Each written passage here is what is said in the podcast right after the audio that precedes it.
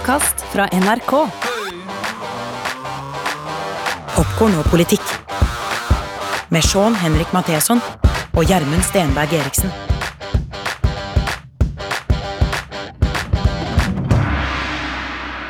Ok, folkens. Kjenn på rytmen. Nå er vi i gang. Sannhet og fortellinger om sannhet trenger en igangsettende hendelse. Og sannheten ikke synes. Noe som lager en rift i mørket. Et sted krakeleringen kan begynne. I dag skal det handle om sannhet, om den frigjørende kraften i sannhet. Det er litt svære ord, det er litt store følelser. Og hvor mye mørke som legges oppå sannheten. Hvor mørkt det er når sannheten undertrykkes. Og hvor vondt det er for de som bor i et slikt land. Og så, når den kommer ut, sannheten kommer for en dag, når behovet for den ikke kan undertrykkes, det skal vi også kjenne på. Uansett, la oss gå til en av verdens mest kjente replikkvekslinger om sannhet, for å forstå den frigjørende kraften. Eh, vi har ringt Jack og ber han framføre det en gang til. You want answers? I think I'm entitled. You want answers? I want the truth! You can't handle the truth! Og med det så tror jeg vi skal få en som kan sannhet, om et og annet vi andre ikke har forstått så mye av. Eh, Velkommen, Ane Tusvik Bonde. Tusen takk. Det er veldig stas å ha deg her. Du blir eh, varmt anbefalt av flere rundt vår podkast. Jeg kjenner Mikkel Bugge, en forfatter som jeg jobber sammen med om dagen, og han sa at når du kommer på fest, så har du med postkort. Hvor du ber folk Nå må dere skrive til opposisjonelle og hvem andre? Eh, Journalister som sitter i fengsel, menneskerettighetsforkjempere i Hviterussland og Aserbajdsjan. Det er forskjell på deg og meg. Jeg kommer jo på fest bekymra er det nok hvitvin. du kommer og deler ut kort. Han sier også at du er menneske som omtaler Aserbajdsjan og eh, Ukraina som områder på Grünerløkka med den samme Der var jeg i går, der var jeg i går. det er også veldig moro.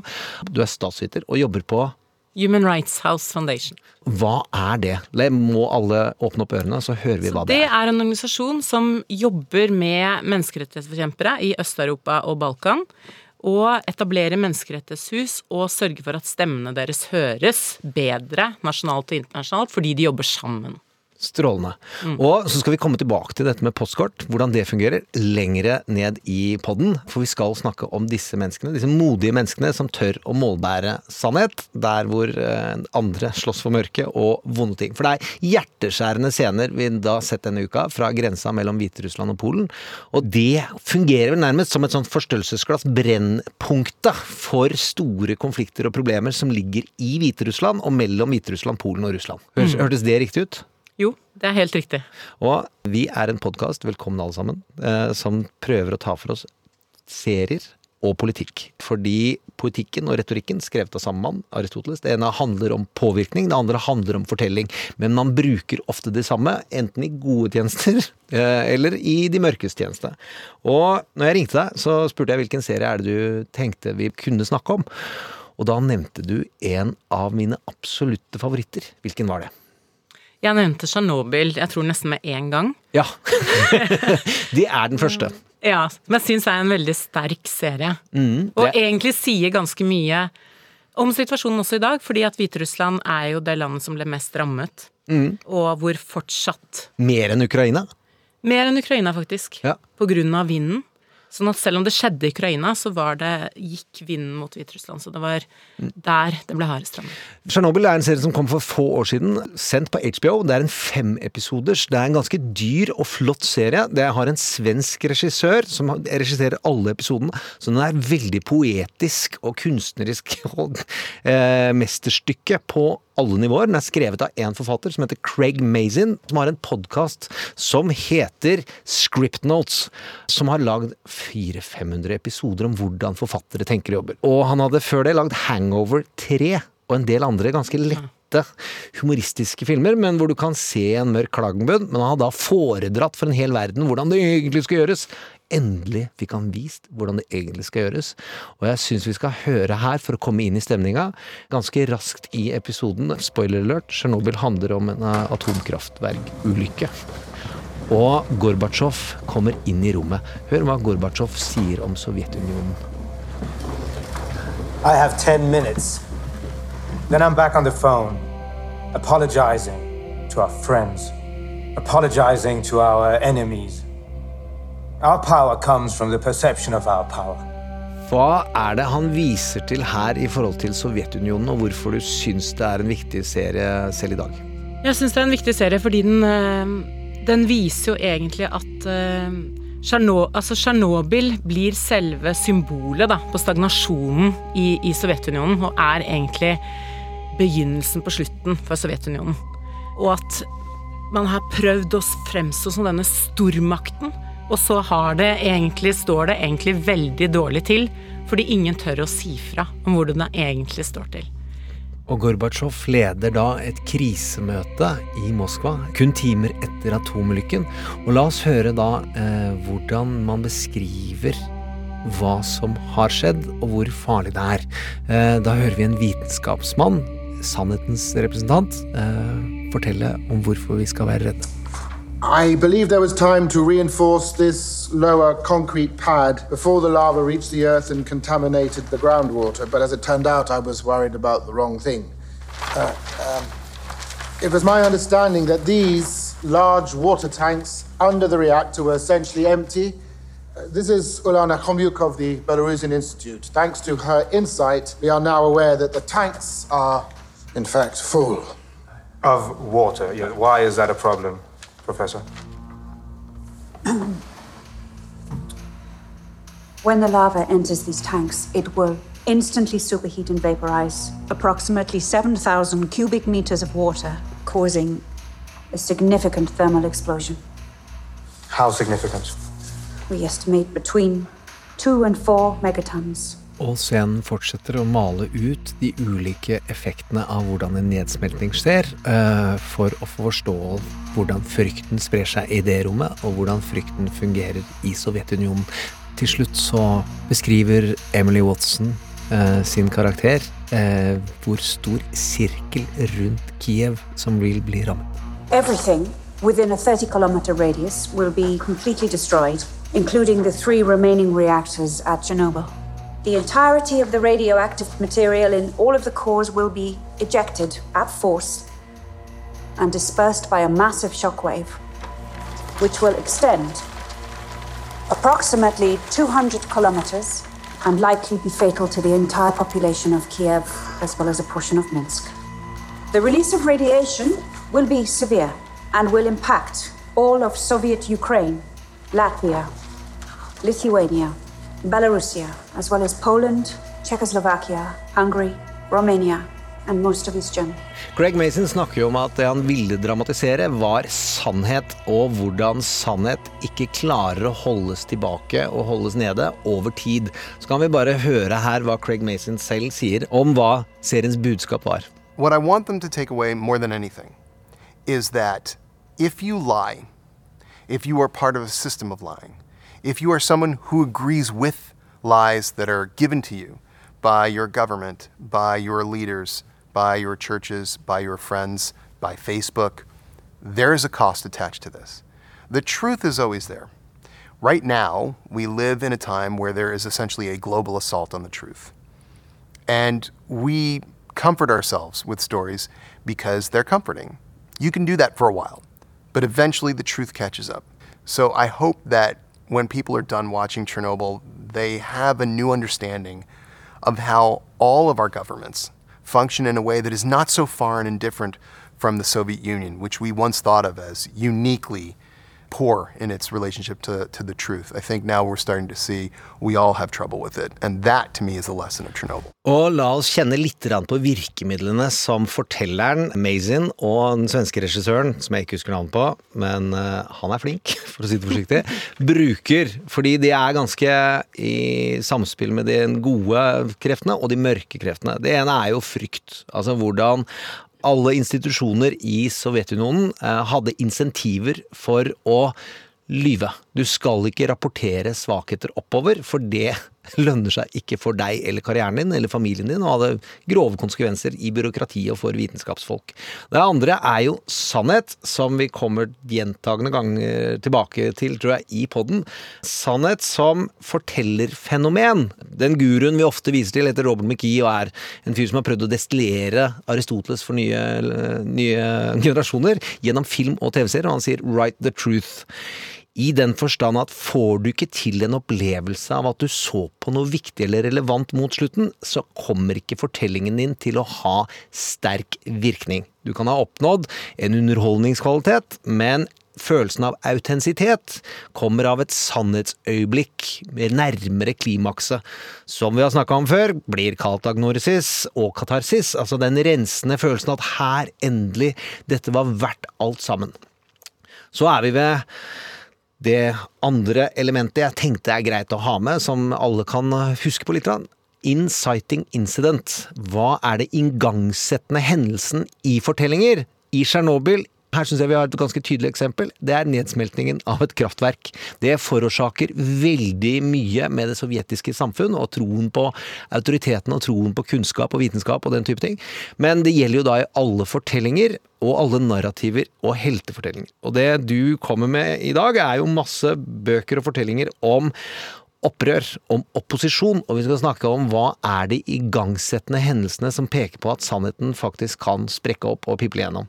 Du har med den ene boka om Tsjernobyl, blant annet. Ja, jeg tok med eh, den boka som mye av den serien Tsjernobyl er bygget på, som er skrevet av nobelprisvinner Svetlana Aleksejevitsj, som heter 'Bønn for Tsjernobyl'. Og hun brukte da tre år hvor hun gikk rundt og intervjuet folk nettopp om hendelsen etter Tsjernobyl. Fordi man må huske at det var, lå et lokk på dette etterpå, så det var først i 1990 at f.eks. kartene over det radioaktive ble offentliggjort Mm. i, i Sovjetunionen. Og den andre boka du har med, er Den andre boka er Per Anders Todal, som er norsk journalist, som har skrevet en bok som heter 'Fanden på flat mark', som handler om eh, historie fra Hviterussland. Den er allerede noen år gammel, men likevel fantastisk å beskrive hvordan det er å bo der og være student i Hviterussland, hvor hvor han mye, møter mange. hvor mye jingler har du i livet ditt?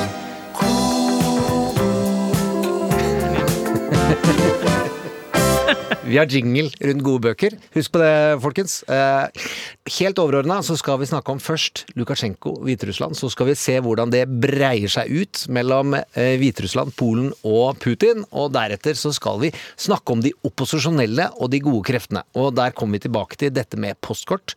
Og hvorfor det er viktig og må deles ut på fester, og hvorfor vi alle som hører på, skal ta litt postkort innover i livet vårt. Før det så skal vi ha en liten oppvarmingssesjon der vi går til eh, smakfulle retter som vi ikke som blir store porsjoner, men som vi tror kan være egne seg for å åpne tanken og følelsene. Og forrett nummer én. Jeg vet ikke hvor bekymret du er for demokratiet i den vestlige verden, men det finnes noen av oss som har vært bekymret et par år, og drev en podkast før som het Trump mot verden.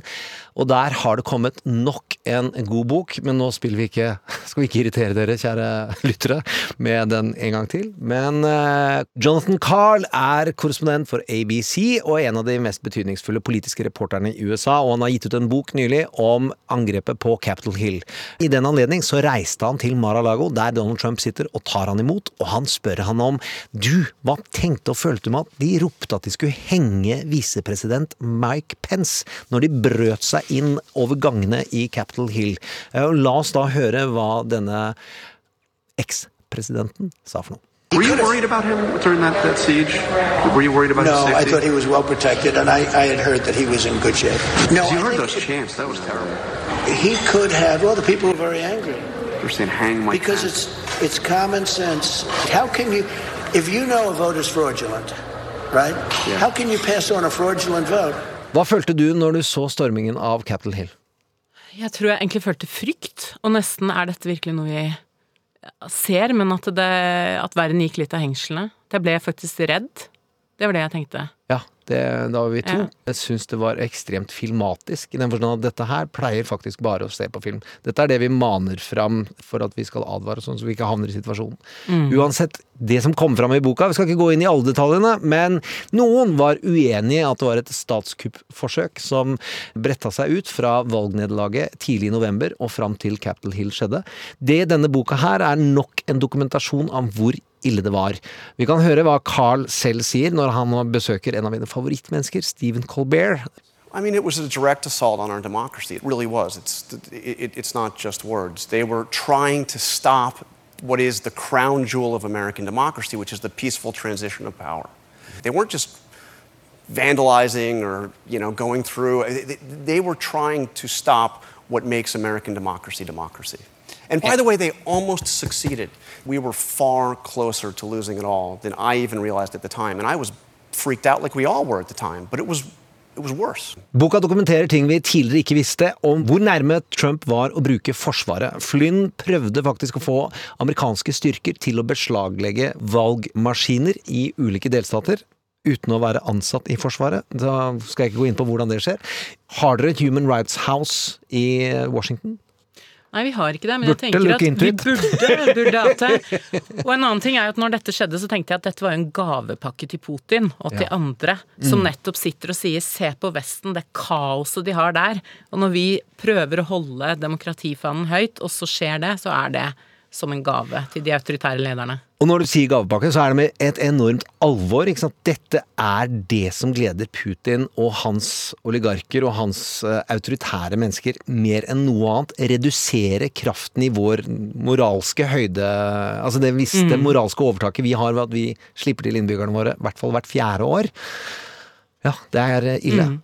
Skal vi ta, eh, I kjølvannet av det så har det skjedd noen gode ting. Jeg tenker litt Star Wars, men så kan dere tenke på Ku Shaman. Han der med de horna og det skjegget som brøt seg inn på Capitol Hill.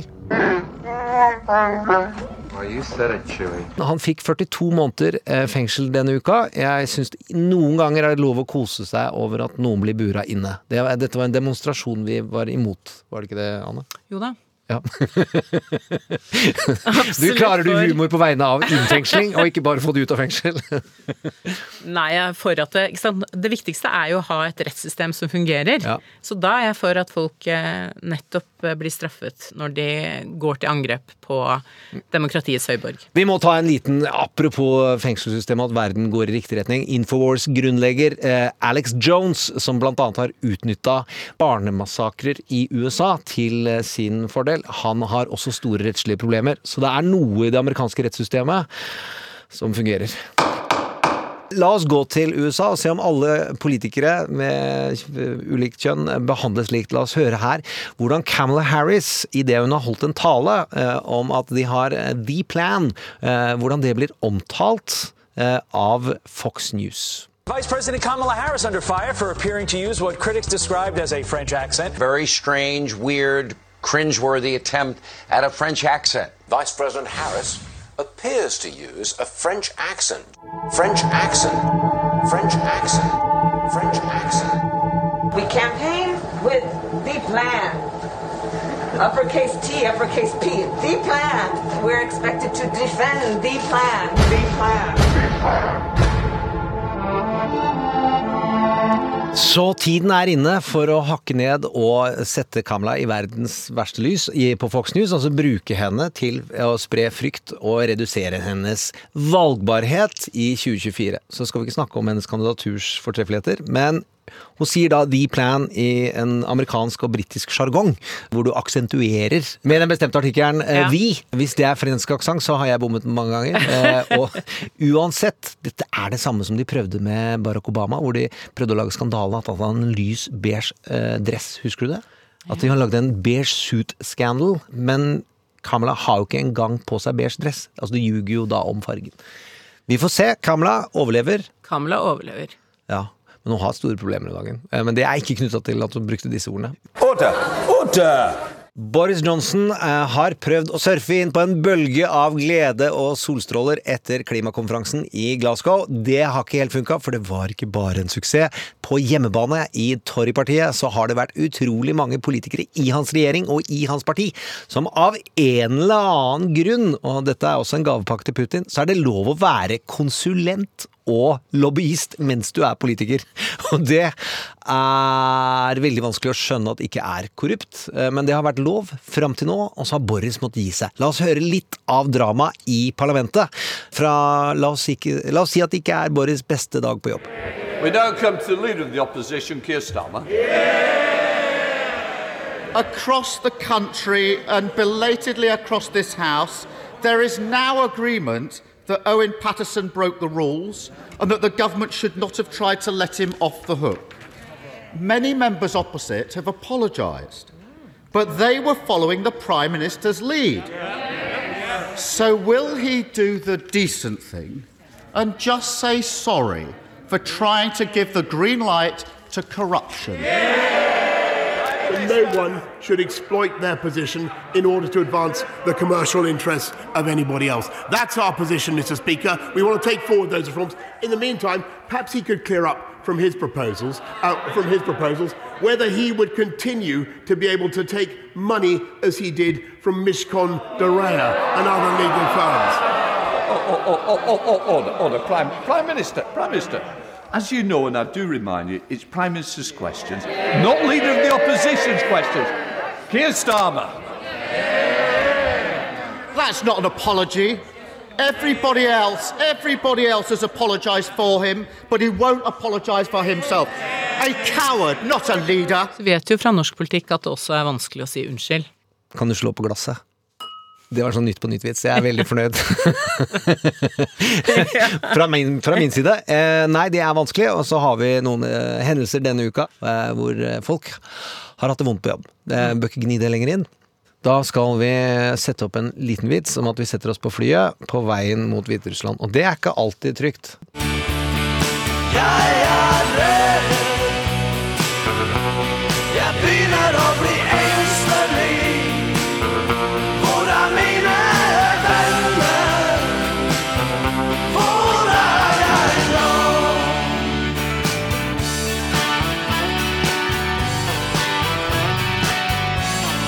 Popkorn og politikk.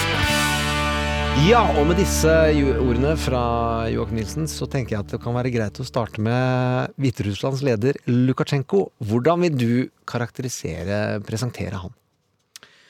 Lukasjenko lever opp til navnet som Europas siste diktator. Hans egne ord. Ja. Han gjør alt for å sitte ved makten.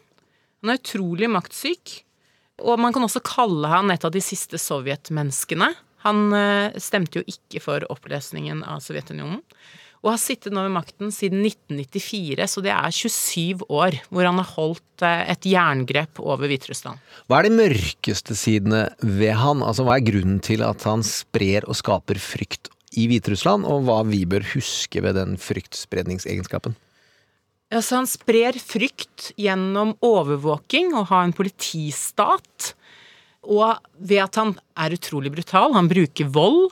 Tortur og drap. Tortur og drap, og er, eh, er det siste landet i Europa som, som fortsatt eh, har dødsstraff. Og jeg tenker at han er jo en, en ustabil Noen vil kanskje si slu. Han har høy risikovilje. Han er villig til å sette ting på spissen. Absolutt. absolutt. Og han, han, det er jo noen som sier at han kommer til å ta med seg makten til graven og holde på den fortsatt der. Så det er hans tidligere kulturminister som har eh, forlatt eh, styresettet. Og Han- landet, eller? Og landet. Ja, nettopp, ja. Han, har- han har uttalt det. Kan vi høre Lukasjenko, da? Hvor han sier nesten noe i den duren? La oss høre her. что на тот свет меня с президентского кресла не понесут. Это я вам твердо обещаю. Второе. Я вам обещаю, что ради своих детей я не буду удерживать власть и передавать им по наследству. Sånn fordomsmessig så høres han ut som en fyr som roper veldig mye når folk ikke hører på. Når kameraene ikke er på. Er det noen absurde og komiske ting som vi kan bruke som knagger som folk kan huske på, eh, når de tenker Lukasjenko? Ja, altså han, eh, han liker jo veldig godt eh, å bli stilt i et godt lys, så han spiller f.eks. ishockey, og veldig mange, særlig før da, så ble det jo på statlig TV stadig vist ishockeykamper hvor Lukasjenkos team alltid vant. eh, og det er jo litt sånn Det er nordkoreansk. det er, Det er- og det er veldig ofte det man har sett han med. ikke sant? Den sterke mann, litt sånn vi også ser Putin. Ja. På traktor, hilse på folk. Og han, han liker jo også å bli kalt eh, babka, altså far. Han er kjent for uttalelser som at det er bedre å være diktator enn homo. Og, eh, men også altså Jeg tenker at det er både tragisk Det er, det er så 80-talls å si. Ja. Selv blant diktatorer, altså. Ja, jeg vil si at uh, Lukasjenko er en pioner når det gjelder å være diktator. Han var den første som strammet inn på nettopp det at man kunne protestere. Fjerna Høyesterett utrolig raskt. Og selvfølgelig muligheten for å stille til valg mer enn to eller tre ganger. Det fjernet han allerede i 2012. Ja. Sånn at han kan, så han var mye tidligere ute enn Putin. Pandemihåndteringen, hva er det han sted, hvordan tenkte han at korona best behandles? Nei, så der er det jo litt tilbake til Tsjernobyl, på en måte. Da ignorerer man i det hele tatt at koronaen fins. Det var det han gjorde først. Så han så på Denial. Ja, han så på det som en, som en psykose.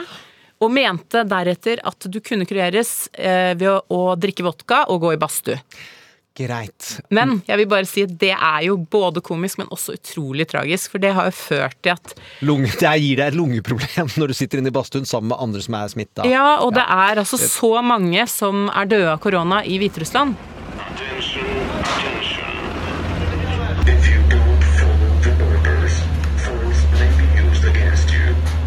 Hva er det som skjer på grensa mellom Hviterussland og Polen? På grensen så er det jo nå noen tusen, man vet ikke om det er 2000 eller flere, flyktninger, mest fra, fra Midtøsten og emigranter, som er fanget på en måte i et egen sikkerhetssone mellom Hviterussland og Polen, og de kommer seg verken til Polen og EU eller tilbake til Hviterussland.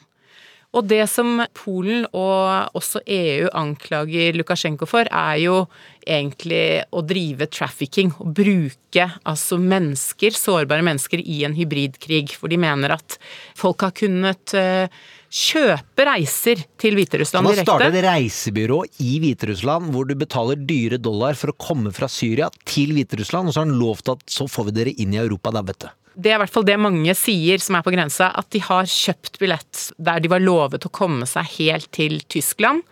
Eh, og så er da reisen endt på grensa til Polen, der også Polen nekter å slippe dem inn. Mm. Og egentlig også, tenker jeg, bruker situasjonen til å gjøre det til en sikkerhetssituasjon, hvor alt handler om å verne den polske grensen Mm. og festning av Europa, og man ikke heller fra polsk side se på det humanitære i denne situasjonen, at det står mennesker der i en humanitær krise som har rett på hjelp. For det er jo folk som har frosset i hjel på grensa. Vi skal komme tilbake til de mørke sidene, men nå er da aggresjonsnivået høyt på polsk side, på hviterussisk side. Vi har Russland og Putin, og vi har et EU som har ting å ta tak i når det handler om å komme med en klok håndtering i hvordan dette skjer. De hendelsene som skjer nå, det har du pekt på, eh, kan spore tilbake til hva som skjedde i 2020.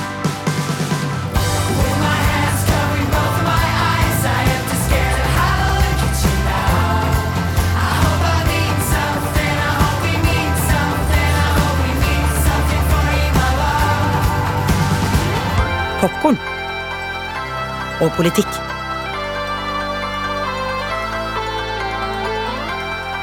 La oss snakke om det som kan ses på som the inciting incident, som går inn i dette fryktregimet i Hviterussland om hva som er forutsetningen for at sannheten eh, begynte å piple igjennom. Det, da vil du dra fram pandemien. Hvorfor det? Jo, for når pandemien da kom i 2020, så viste Lukasjenko veldig tydelig at han ikke brydde seg om folket sitt i det hele tatt. Han brydde seg mer om eh, militærparader og nasjonens ære. Og lot egentlig alle gå for lut og kaldt vann, som gjorde at eh, pandemien har rammet veldig hardt. Og da så jo folk nettopp at det de så på TV, ikke lenger stemte med virkeligheten. Legene så at offisielt så gikk ikke dødstallene opp fordi ingen ble registrert som at de døde av korona, men det døde jo stadig vekk folk på sykehusene deres. Så det man ser da i Hviterussland gjennom våren, er jo at flere grupper blir kritiske. Flere begynner å bli misfornøyd, også fordi situasjonen er blitt dårligere økonomisk. Men det er leger, det er ikke bare menneskerettighetsforkjempere og politikere, det er vanlige folk. Pensjonister. Du fikk en koalisjon fikk, av opprørere som fikk- da finner hverandre på en helt ny måte. Ja, du fikk på en måte Jeg vil si det er vanlige folk som rett og slett har fått nok. Og som eh, ikke lenger vil leve i et land der, der ikke virkeligheten reflekteres, da. Og hvor Tsjernobyl-filmmetaforen virkelig er bokstavelig. Og det, jeg så den om igjen de siste to dagene, og det er jo som metafor på det som skjer der nede. Og de demonstrasjonene man så, hvordan de øker, bare trøkket blir større og større og større. Over hele landet Ja. går folk ut i gatene, og man må tenke på at dette er et land hvor det tidligere ikke var lov til å være mer enn tre mennesker sammen. Så det at da hundretusener tør å gå sammen ut i gatene, er fantastisk. Og så, når da Lukasjenko igjen vinner valget, for han vinner jo alltid med 80% Det er hockeylaget hans. det er så, eh, så går folk ut i gatene, og de står bak Tikhanovskaja, som da er kona til den mest kjente bloggeren, som allerede er arrestert, eh, som ikke fikk lov til å stille til valg. Mm. Men resten stiller seg da bak henne, som Lukasjenko aldri så på som en motstander, fordi han tenkte at en kvinne kan ikke styre dette landet uansett. De hører jo hjemme bak kjøkkenbenken. Så derfor så eh, ser man da i Hviterussland at det er en utrolig mobilisering hvor folk ber han gå av. Men som vanlig så bruker han da undertrykkelsen, så han kjører politiet mot demonstrantene, helt fredelige folk. Mm. Arresterer da tusenvis. 36 000 ble arrestert i løpet av et år. Og det er voldelige arrestasjoner. altså Det er ekstreme bilder å se på. Ja, det er voldelige arrestasjoner, og også den bruken av tortur som ble brukt i fengselet etterpå, hvor folk ble, Altså, det er blitt tatt lydopptak av det, hvor folk sier at dette høres ut som middelaldertortur. Og det gjør at eh, over 1000 mennesker har da opplevd de grusomste mishandlingen. Og fortsatt så sitter det over 870 politiske fanger i fengsel Men la oss først da snakke også om hersketeknikken til Lukasjenko. Veldig raskt og grovt i den forstand at han bruker de samme mekanismene som Putin. Han spiller på familieverdier eh, og på konservative verdier og farskapsrollen, og at homofile innvandrere Er det noen nyanser av det hvor han går utover det som er Putins hersketeknikkbok? Altså Han går enda lenger i dette med at eh, Hviterussland kan bli angrepet av andre.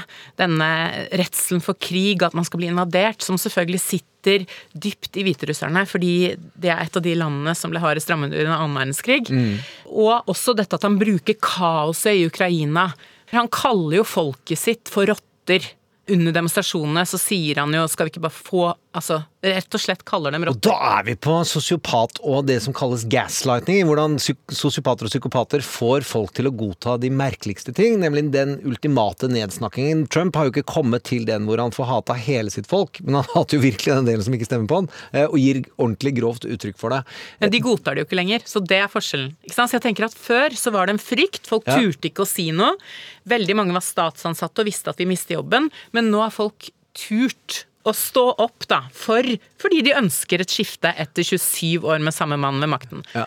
For å skjønne hvordan eh, disse autoritære lederne tenker narrativt og dramaturgi, så kan det jo være greit å ta tak i nettopp det du sier der, at han spiller på frykten for innovasjon. Så snur han det ved å lage hviterusslandtravels.com, eh, det er ikke det selskapet heter, men la oss illustrere med det, eh, henter folk fra Syria og sender dem mot den polske grensa, og så sender han de over til autoritærlillebror Kaczynski og Lov og rett rettferdighetspartiet, som da har spilt på frykten for innovasjon i årevis. Hva skjer i samspillet mellom Kaczynskis menn og Lukasjenkos handlinger her? Altså, hva er det vi kan forvente oss er relasjonen mellom de to autoritære pionerdiktatoren og wannabe-diktatoren eh, Kaczynski? Ja, jeg tenker jo det er jo en, en vesensforskjell mellom Kaczynski og, og Lukasjenko i brutalitet, som, eh, som ikke And there's always that. Ja, som man ikke er i nærheten av i Polen. Men eh, det du kan se, er at eh, altså Polen har jo alltid hatt en medfølelse med det hviterussiske folk, og de har jo nettopp latt veldig mange av de som har måttet flykte det siste året, de er nå i Polen. Men hvordan vil Jaroslav Kaczynski og hans parti eh, utnytte dette? Eh, hvordan bruker de det til sin fordel? Ja, du kan si at de eh, anklager jo for første Putin å stå bak. De sier at han er masterminden bak dette, og at eh, Lukasjenko bare utøver dette, men at planen er Putins. Og de nekter jo, det har de gjort før også, at flyktninger skal kunne komme over grensa. Og har jo hatt med sånn hatretorikk mot flyktninger. Det som på en måte er eh, ille, er jo at Polen viser her at vi står som det landet eh, som er grensa til EU, og beskytter EU mot disse flyktningene som kommer, som er en provokasjon fra Hviterussland. Men samtidig så prøver ikke Polen å løse det på en humanitær måte. De har jo på en måte trappet opp med å ha militære der og store grensestyrker. Sånn at det Situasjonen løses ikke. Og du kan si at inni Polen så har man også sine problemer med koronaen, med økonomisk situasjon. Så man ønsker egentlig fokus litt bort. Man har også en vanskelig sak med EU, nettopp fordi EU har kritisert den. Bare for å illustrere den kommuniserende siden av hvordan man skal skape frykt. Mm. Fra den polske regimets side så var, eh, skrev Anne Applebaum om disse hendelsene denne uka, eh, og skisserte hvordan innenriksministeren og forsvarsministeren er på nasjonal TV, den statlige anti-NRK, som det er NRK i Polen, eh, propagandakanalen, og viser en mann som har sex med en hest. Og sier dette er fra en mobiltelefon funnet på flyktningene på grensa. eh, Som er bare en bestialitetspornofilm funnet på 70-tallet. For å dehumanisere flyktningene og si disse skal vi ikke ha inn i landet. Det er ganske drøye virkemidler de bruker også for å skape assosiasjonen 'these are animals', som Anne Applebaum sier. La oss hoppe til Putin. Hva tror du? Trekker han i trådene her, eller er dette eh, irritasjon for han å se hvordan Lukasjenko satte opp reisebyrået for å få opp det bråket ved grensa, for å fjerne fokuset vekk fra hans elendige koronahåndtering og voldsomme torturering av egen befolkning? Ja, jeg vet ikke. Det er jo ingen som vet hvem som står bak, men det som er tydelig er at eh, Lukasjenko er helt avhengig av Putin. Han har blitt mer og mer avhengig av Putin, og Putin sier jo at de ikke har noe med dette å gjøre overhodet. Og at dette lærte han gjennom nyhetene, har Putin sagt. Men man ser jo Det er å sparke sine etterretningsorganisasjoner litt kraftig på leggen. Ja. og åpenbar løgn. Og egentlig sier han at man må snakke med Hviterussland, sier han til EU. Mm. Og det er jo en av de tingene som man mener at, at Lukasjenko bruker dette nettopp for at man skal snakke med han igjen. Fordi EU har jo kommet med flere sanksjoner mot Hviterussland. Og at dette er en måte for han for igjen ha et forhandlingskort. Så relasjonen til Putin han står og gir egentlig Lukasjenko ryggdekning, og har støttet han både i hvordan han har slått ned på sin egen befolkning, men også nå med flyktningkrisen. Men det er jo litt som en irriterende lillebror som du ikke blir kvitt. Som du må ha med deg, som er ganske ustabil og hele tiden finner på ting. Ja. Eh, Men samtidig så er han på en måte din diktator. Han er innenfor familien. Det er som å ha med seg en slektning på fest som er, hvelver for mye glass. Ja, men etter hvert så har på en måte Putin valgt å stå ved hans side, da. Han Ja. backer han. Og gjør at Hviterussland er jo helt avhengig av, av Russland. Sånn at det er en grunn til at Merkel ringer Putin. Det er det helt sikkert, men nå skal vi snakke om en annen kommunikasjonsform som du er en varm eh, ambassadør for, nemlig postkort og opposisjon. Vi skal snakke om de gode kreftene i disse landene.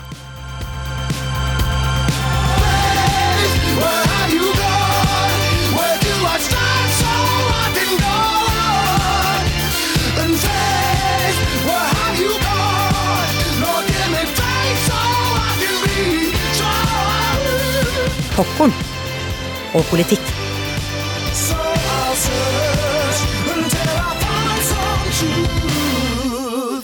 De gode kreftene i Hviterussland, hvordan er det de fortjener vår oppmerksomhet? De fortjener vår oppmerksomhet fordi at de ønsker jo egentlig det samme som alle oss andre, å leve i et fritt land der de kan velge hvem de vil skal styre landet sitt. Og de, de har jo gjort et fredelig oppgjør. Det som er eh, kjennetegner det, er jo at så mange kvinner har deltatt. Kanskje nettopp fordi Lukasjenko ikke er så spesielt glad i kvinner, og ser på dem mer som eh, objekter som skal føde barn. Og så ser du jo nettopp at eh, det er så bredt. Det er, de har klart å samles nettopp fordi de ikke har noe, det er ikke noe stort politisk program som Tikhanovskaja og opposisjonen samles om. Hvordan er, hvor kommer kunnskapen om opprør og demokrati og sånt fra? Er det, er det et godt utdanningsnivå i bunn, eller som det, i Sovjetunionen hadde jo et utrolig bra allmennutdanning i bunn til eh, store deler av befolkningen sin. Hvordan ser det ut i Hviterussland? Ja, det er jo et uh, godt eh, utdanningssystem, men altså det er jo eh, propaganda, selvfølgelig. Ja. Så jeg tror at det kommer ikke først og fremst fra skolesystemet, men nettopp på at mediemonopolet i Hviterussland rakner, så har det ført til at den TV-propagandaen som var før, Ja. på statlig TV, det ser ikke folk på lenger. Folk får informasjon fra sosiale medier og fra andre uavhengige kanaler, og da er det blitt det stedet hvor folk får informasjon, og det er de som har klart å mobilisere så mange. Pluss at uh, Hviterussland har sterke IT-gründere. De har en sånn eh, high-tech-park som også ønsker endring. De har masse kunstnere, teater, musikere. Så alle disse, og gode leger, og alle disse har funnet sammen og ønsket endring. Og du har med postkort. Eh, Hva er postkortenes rolle? Eh, Du har jo Amnesty-bakgrunn, så det aner meg litt i hvilket landskap det går i. Men fortell oss, hvordan er det Human Rights House ønsker at folk skal bruke postkort for å støtte opposisjonen i Hviterussland? Så vi mener, og det mener jo de hviterussiske organisasjonene som vi samarbeider med også, som eh, organisasjonen Vjasna, som betyr vår. Sant? Det å hete vår handler jo om hva du kan få til. Et tøvær. Så når så mange mennesker blir buret inne, egentlig bare for å gjøre jobben sin, eller for å danse på gatene, eller for å, å forsvare andres rettigheter, så mener vi det er viktig å sende inn postkort i fengselet for at folk skal vite at de fins, at de husker At de som sitter inne, da vet at det er noen der ute som ikke har glemt meg. Og om det postkortet ikke kommer fram, for det skjer ikke alltid, for Mhm. alt går gjennom sensur, så er det noen som leser det. Hvor finner vi postkortadresser og hvor vi skal sende den? Altså slett, hvor Det det finner man på Vjasna sin eh, side, som da er denne menneskerettighetsorganisasjonen, på spring96.org. Spring96.org. Ja. Du sa at kunstnere har en særlig rolle i eh, dette opprøret, og det er en popsang som spilte en viss rolle. Kan ikke du fortelle bare hvordan det fungerte? Ja, så under demonstrasjonene før valget, så eh, var det en av de sangene som man spilte, var Perimen, som betyr egentlig endring eller change. Ah. Så moro. Barack Obama der, altså. Ja. Og eh, på et av disse massemøtene som egentlig var for Lukasjenko, så tok den ene lydteknikeren eller DJ-en ja. og byttet lydspor og spilte denne sangen. Da, da, da.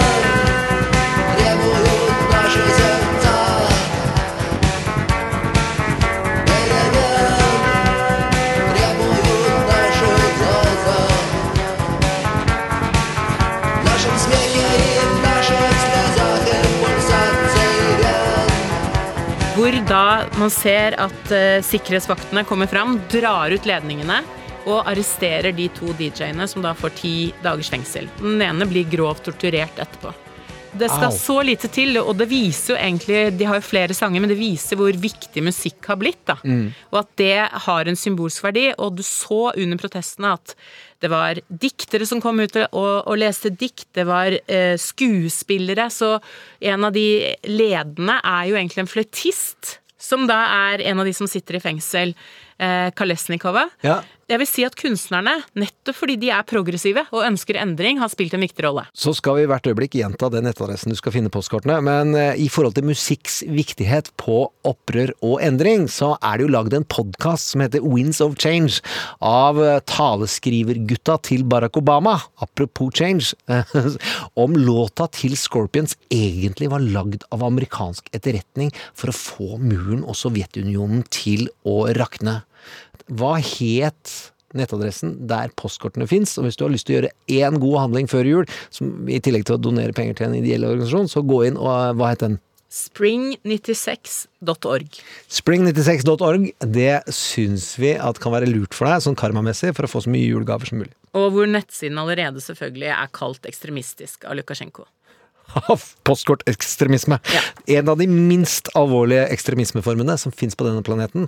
Lukasjenko der, altså.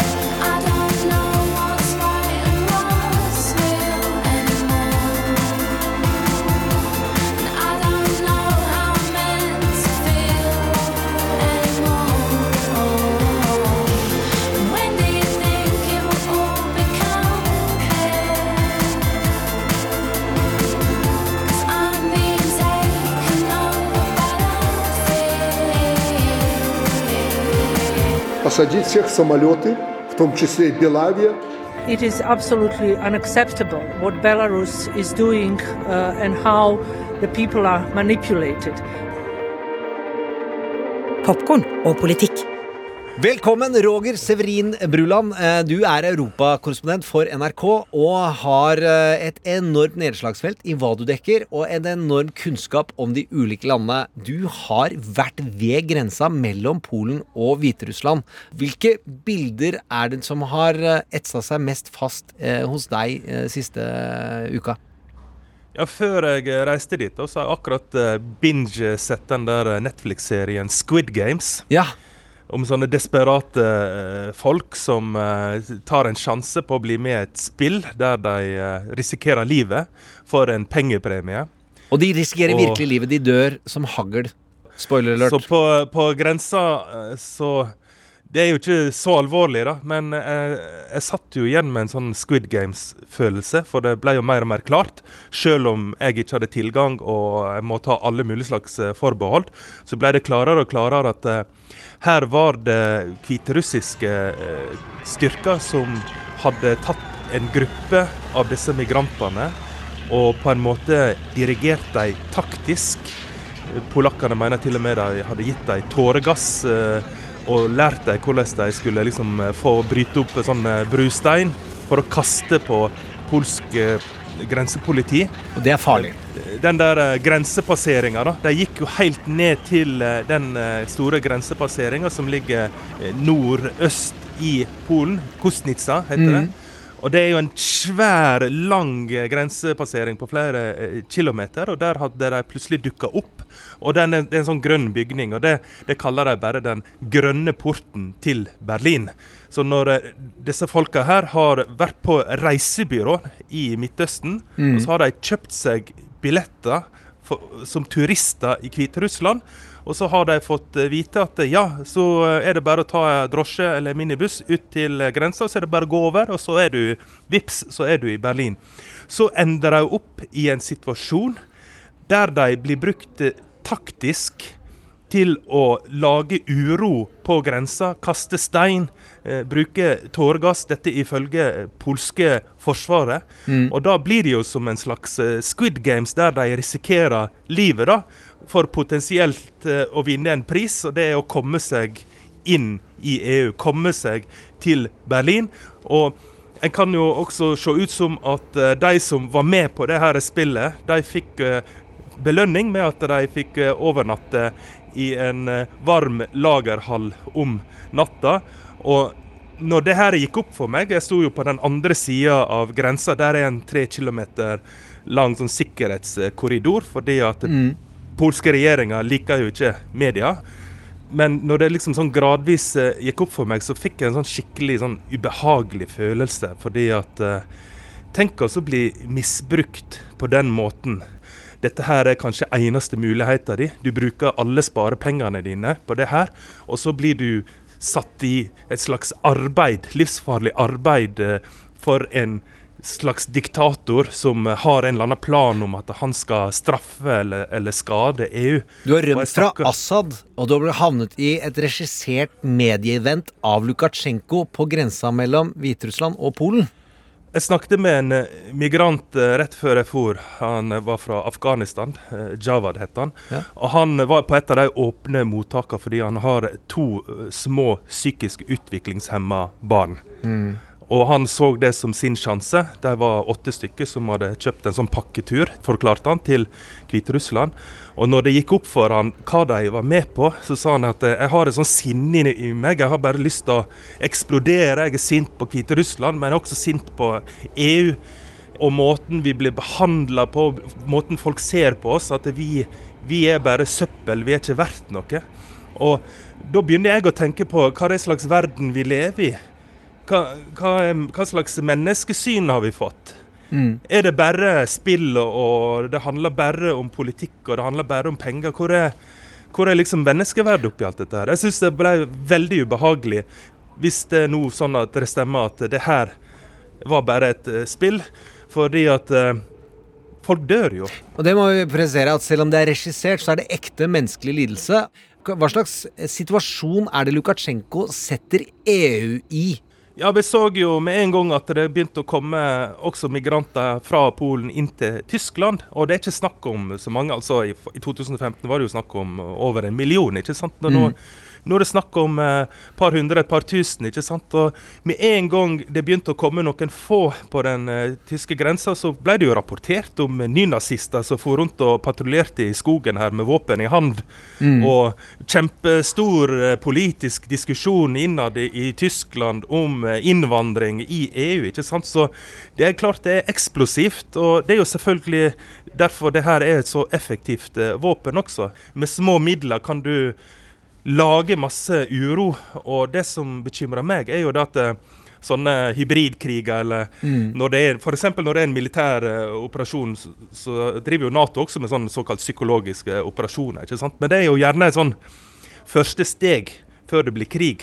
Det er jo det som er så farlig med det her, at det er liksom ett steg inn til en eh, varm krig, så du leker med veldig farlige ting her. Hvorfor fungerer dette for Lukasjenko, det som vi ser nå?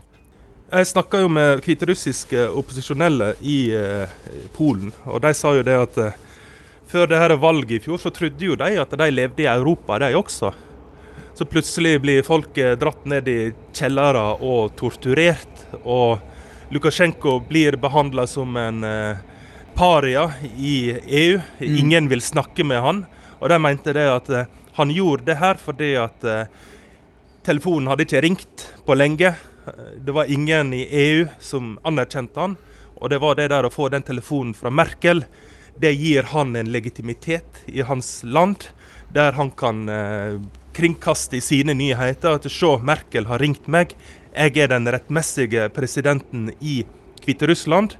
Og nå skal jeg forhandle om å få vekk eh, disse her sanksjonene. Han har jo selvfølgelig sett på Erdogan, som har brukt migrasjon som pressmiddel med hell, og håpet at det kan fungere for han.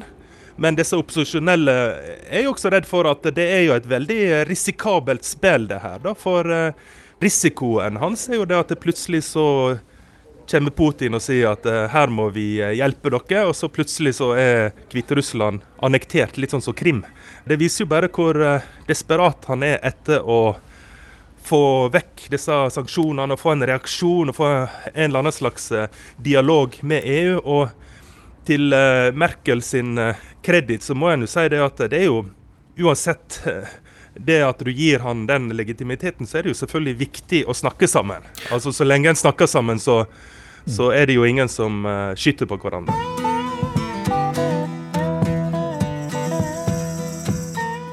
Tre vinnere som hver har foreslått eh, svensk humor. Vi har ikke målt etter morsomheter, eh, Gjermund. Vi har eh, bare trukket det ut av hatten.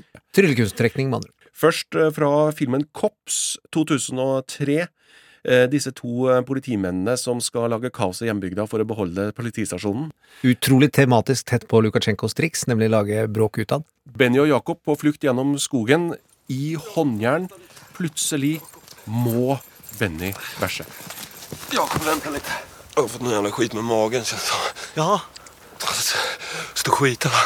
Er du dum i huvudet? Kom igjen! Lägg av, jeg måste upp. Anita Huseby Pedersen fikk en kopp. Forrige gang så hadde vi jo med oss dette intervjuet med et barn som til slutt kom fram til at det var fred i verden barn ville ha. Sven Melander het han som intervjuet barnet. Sammen med Åke Cato laga han Nøyesmassakren. Her var også bakerne Preben og Preben. En lille en. Velkommen, Preben. Dags, Preben. Ja, nå skal vi altså begynne da, å bake. Ja, men først så tar vi en lille en. Ja, det gjør vi skulle sgu sagtens. Ja. Hver gang. Skål. Truls Børresen fikk kopp for den. Truls fortjener det. Og så til slutt må vi ha radiohumor. Eh, Killinggjengets TV-serie om radiostasjonen Nile City. Robert Gustavsson er morgenvert fra Gøteborg. Ja, god morgon, god morgon, god morgon. Nile City 105,6. Veiron i Otan. Hvem er det jeg tjötar med? Bernt. OK, Bonne. Velkommen. Siste koppen til Linda Bergwitz. Folkens, det er bare å gå på Facebook-sida og oppleve disse om igjen eh, på Popkorn og politikk sin fandrevde Facebook-side. Og jeg vil gjerne bare dra det tilbake til eh, hvordan sannhet fungerer som en frigjørende kraft eh, når den er nødvendig og det er stort nok behov for den. Slik det kommer til uttrykk gjennom vitenskapsmannen i Tsjernobyl. Eh, tenkte å gi han ordet litt først. Eh, der han holder en tale om rettsoppgjøret etterpå, om hva som fungerte og hva som ikke fungerte. Eh, og noen har nettopp fortalt han at du skal ikke snakke negativt om Sovjetunionen. Og det han sier, at hver løgn øker vår gjeld til sannheten. Hver løgn øker vår gjeld til sannheten, og før eller siden så må du betale den gjelden. No one in the room that night knew the shutdown button could act as a detonator. They didn't know it. Because it was kept from them. Comrade Legasov, you're contradicting your own testimony in Vienna. My testimony in Vienna was a lie. I lied to the world. I'm not the only one who kept the secrets. There are many who were following orders. Professor Legasov, if you mean to suggest the Soviet state is somehow responsible for what happened, then I must warn you, you are treading on dangerous ground. I've already trod on dangerous ground. We're on dangerous ground right now because of our secrets and our lies. They're practically what define us. When the truth offends, we, we lie and lie until we can no longer remember it is even there, but it is still there. Every lie we tell incurs a debt to the truth. Sooner or later, that debt is paid.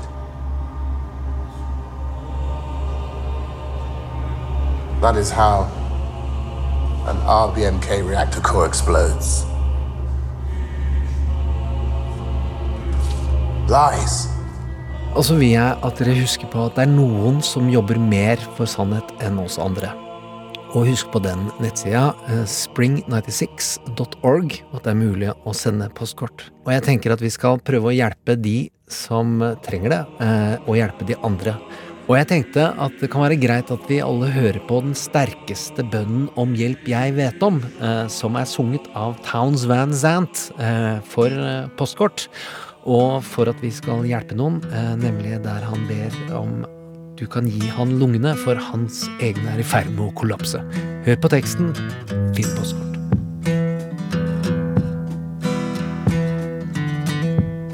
Won't you lend your lungs to me? Mine are collapsing.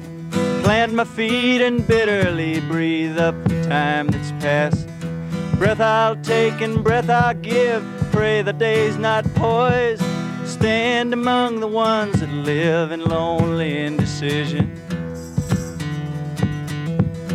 Fingers walk the darkness down, mind is on the midnight.